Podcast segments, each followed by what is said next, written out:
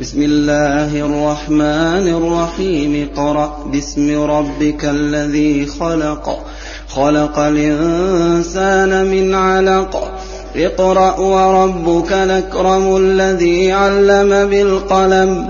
علم الإنسان ما لم يعلم. كلا إن الإنسان ليطغى. أن رآه استغنى إن إلى ربك الرجعى. أرأيت الذي ينهى عبدا إذا صلى؟